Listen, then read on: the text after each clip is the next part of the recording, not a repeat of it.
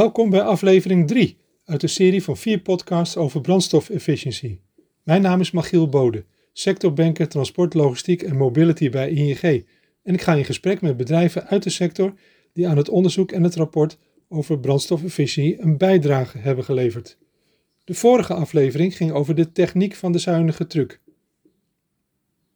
Het onderwerp nu is rijgedrag als een van de drie wegen op weg naar CO2-reductie door brandstofefficiëntie. In het uh, inleidende blokje hadden we het over drie manieren om uh, meteen aan de gang te gaan met uh, CO2-reductie door brandstofefficiëntie. De eerste was aanpassing van materieel, configuratie, zuinigere trucks. De tweede was het gedrag, de rijstijl. Um, rijgedrag blijkt een aanzienlijke impact te hebben op het brandstofverbruik. Um, en daar gaan we over in gesprek met Michiel Degen en met Harold Laurens van Daily Logistics Group. Harold, kan jij jezelf voorstellen? Ja, naam Harold Laurens, eh, CFO van Daily Logistics Group, DLG, zoals we het zelf graag noemen. We zijn eh, actief in het vervoer van geconditioneerde levensmiddelen met uh, zo'n 200 trucks op de weg in Nederland en 60 in het Verenigd Koninkrijk.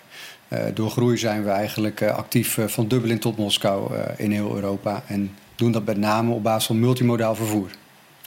En de combinatie van multimodaal vervoer en veel trucks hebben is natuurlijk uh, dat je de optimalisatie uh, kan uh, bewerkstelligen door het ene de ene keer wel te doen en het andere niet. Ja, en ook ja. dat en ook multimodaal richting onze klanten, omdat ja. soms kilometers van de weg afhalen ook heel goed kan bijdragen aan een schonere omgeving. Precies, heel goed. Um, Harold, uit de interviews, hè, wij hebben ook uh, interview gedaan uh, samen voor het, uh, voor het onderzoek. Het bleef me van jou heel erg bij dat je ongelooflijke fan van beïnvloeden van gedrag bent. Ja, dat klopt zeker. ik, ik ben wel van het gedrag inderdaad. we hebben binnen onze onderneming ook een preventiemanager die eigenlijk alleen maar met gedrag bezig is. Mm -hmm. Omdat wij erin geloven dat als je op het gedrag van de chauffeur stuurt, dat je daar heel veel mee kan bereiken. in het kader van schone rijden. Geef eens een voorbeeld hoe je dat. Uh... Uh, voorbeelden zijn. Uh, nou ja, je kan kijken naar het brandstofverbruik, maar dan krijg je toch vaak oneigenlijk vergelijk. Omdat mensen zeggen: ja, ik had een hele zware lading of ik had alleen maar toiletpapier in mijn trailer -hmm. zitten. Dat maakt verschil. Dus we ja. kijken naar bijvoorbeeld uitrollen. hoeveel gebruik je je cruise control? stationair draaien, dat zijn elementen waardoor je het gedrag zeg maar, ja, een bepalende factor kan zijn in de CO2-uitstoot van, van je wagenpark. En, en, en hoe ben je erachter gekomen wat zeg maar, de drivers waren waar je op moest gaan letten? Um, nou, het was eigenlijk. Uh, bij oorsprong was het een financieel uh, component redenatie. We, wij keken naar de, de aanschaf van een truc. En dan kijk je eigenlijk vooral van ja, wat kost het nou? Wat zit er allemaal uh, op? En toen kwamen we eigenlijk, als je naar de totale levenscyclus van de truc kijkt, dat 70% tot 75% is brandstof. En dat brandstof uh, dat heeft ook het vervelende bijeffect van uitstoot.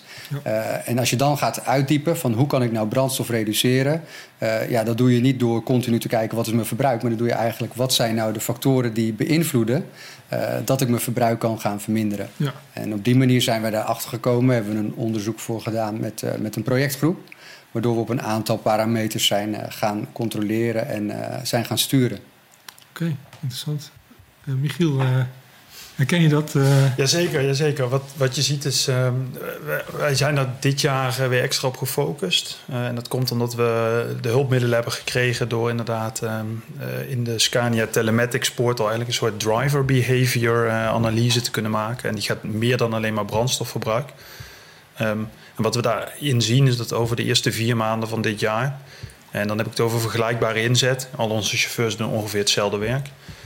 Um, zie je dat uh, er 20% verschil zit tussen onze zeg maar, uh, schoonste rijder en, uh, en, en, en de, de, de rijder met het, het ja, hoe moeten we het noemen? Het vervuilendste gedrag. De zwaarste voet? Of, Zwaarste voet. Of, en uiteindelijk kom je daar dus wel, het is voor een, een deel gedrag. Een deel ook niet. Jullie zullen het ook hebben. Je hebt verschillende merken in je vloot zitten. Ehm, dus, dus er zit een stukje technische componenten aan. Mm -hmm. nou ja, hoe schoon is je truck? Onze vloot is gemiddeld uh, 2,5 jaar oud en het maximaal 5, 5,5. Uh, dus je zou zeggen dat daar nog niet zoveel verschil zit. Nou, dat zit er echt wel. Dus hoe schoner, hoe nieuwer je truck, hoe schoner je in principe rijdt. Maar een heel groot deel van die 20% die ik net noem is echt wel gedrag. En dat zit hem inderdaad in uh, uitrijden, Ehm, eh, niet te hard remmen, niet te hard optrekken.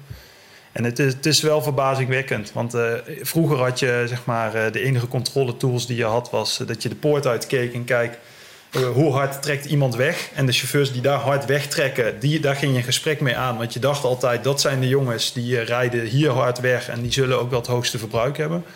Nou, ik kan je wel vertellen dat we ook wel chauffeurs hebben die heel langzaam de poort uitrijden. En drie, drie hokjes verderom zeggen ze: de rest van de dag doe ik lekker wat ik zelf wil. Oké.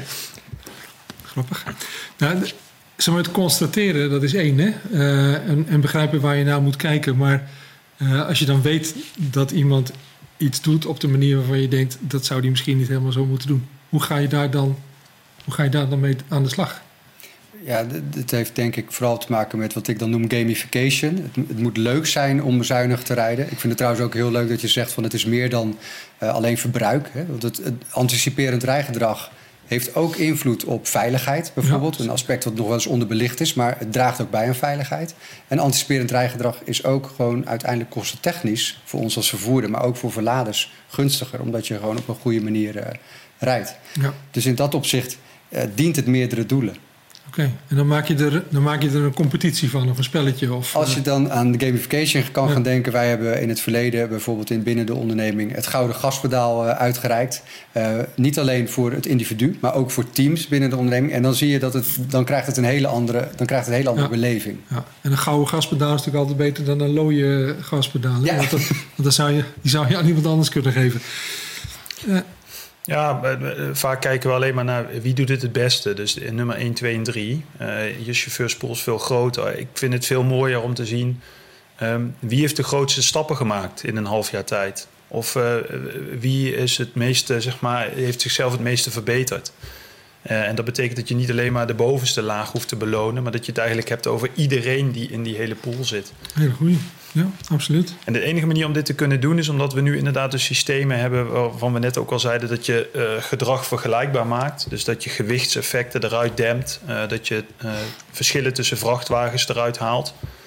dat je iemand die veel landelijk rijdt ten opzichte van die in de stad rijdt en elk stoplicht aan het optrekken is en, en aan het remmen is. Als je dat soort dingen eruit kan halen, dan kan je eerlijker gaan vergelijken. En wij zijn zelfs nu de stap aan het maken dat als je dat eerlijk kan doen, dat je die ook in je beoordeling aan het eind van het jaar in ieder geval als onderwerp meeneemt. Oké, okay. gespreksonderwerp. Ja, absoluut. Ook om aan te geven dat het belangrijk is. Maar even uh, in, het, in het verlengde daarvan, hè? Uh, wat je dan nog mist is. Uh, dan heb je iemand in beeld waarvan je denkt, waarvan je ook weet, nou, daar moeten we wat aan doen. Hoe kijk je dan tegen coaching, training aan? Hoe, ja, ik denk dat coaching een heel belangrijk onderwerp is. Zoals terecht gezegd, het gaat ook om de verbeterslag die je kan maken. Dus als iemand heel zuinig rijdt of heel goed rijdt, anticiperend, die, die blijft over het algemeen ook wel goed rijden. Niet, niet dat je er geen aandacht aan moet besteden, maar het is vooral die grote groep waar ontwikkeling in zit, waar je kan verbeteren, is coaching enorm belangrijk op het moment dat je tips geeft, uh, trucs geeft, hoe kan je nou beter je, je rijgedrag verbeteren, dan draagt dat niet alleen bij aan die veiligheid en het brandstofverbruik, maar het, hel ja, het helpt gewoon de hele onderneming. En je komt daardoor in een flow terecht, wat ook weer aanstekelijk werkt voor de collega's om je heen. Ja. En dan kom je in een leuk, leuk spel, waardoor het bijdraagt op vele, vele fronten. Ja, wordt het een cultuurdingetje ook, hè? Ja, en ik denk dat we allebei hier niet zitten om te zeggen... er zijn chauffeurs en die willen hier niet aan mee. Ik denk dus dat het in eerste instantie zit het hem heel sterk in gewoon bewustwording. Ben je ervan bewust dat, dat zeg maar, het, het effect van wat je, wat je doet in je truck... en het mooie daarvan is, is dat het nu al meteen kan.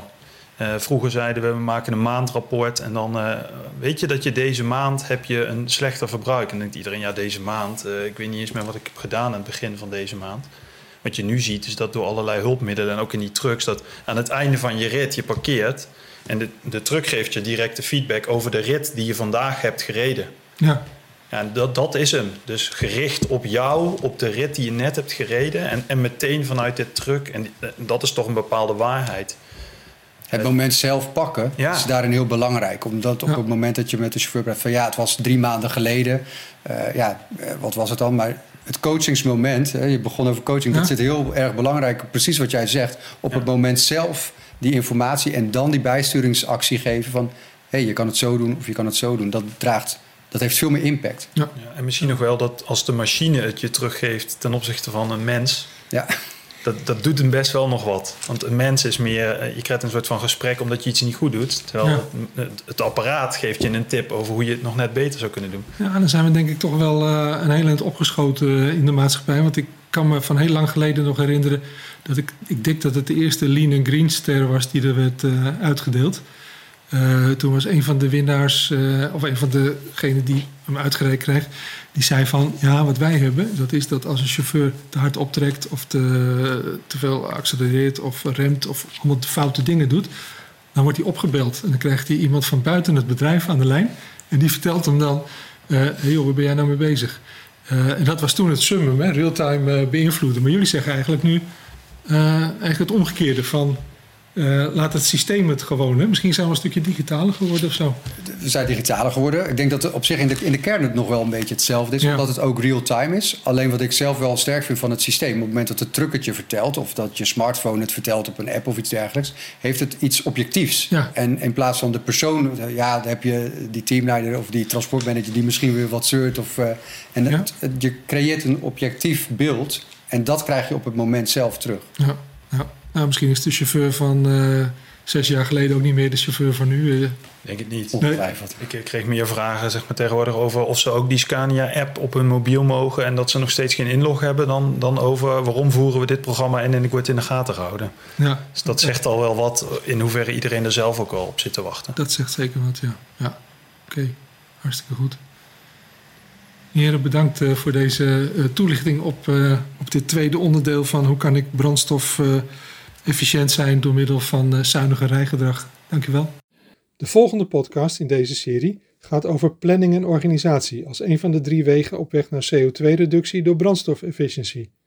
Bedankt voor het luisteren en voor het overige verwijs ik je graag naar onze site voor nog meer podcasts ing.nl.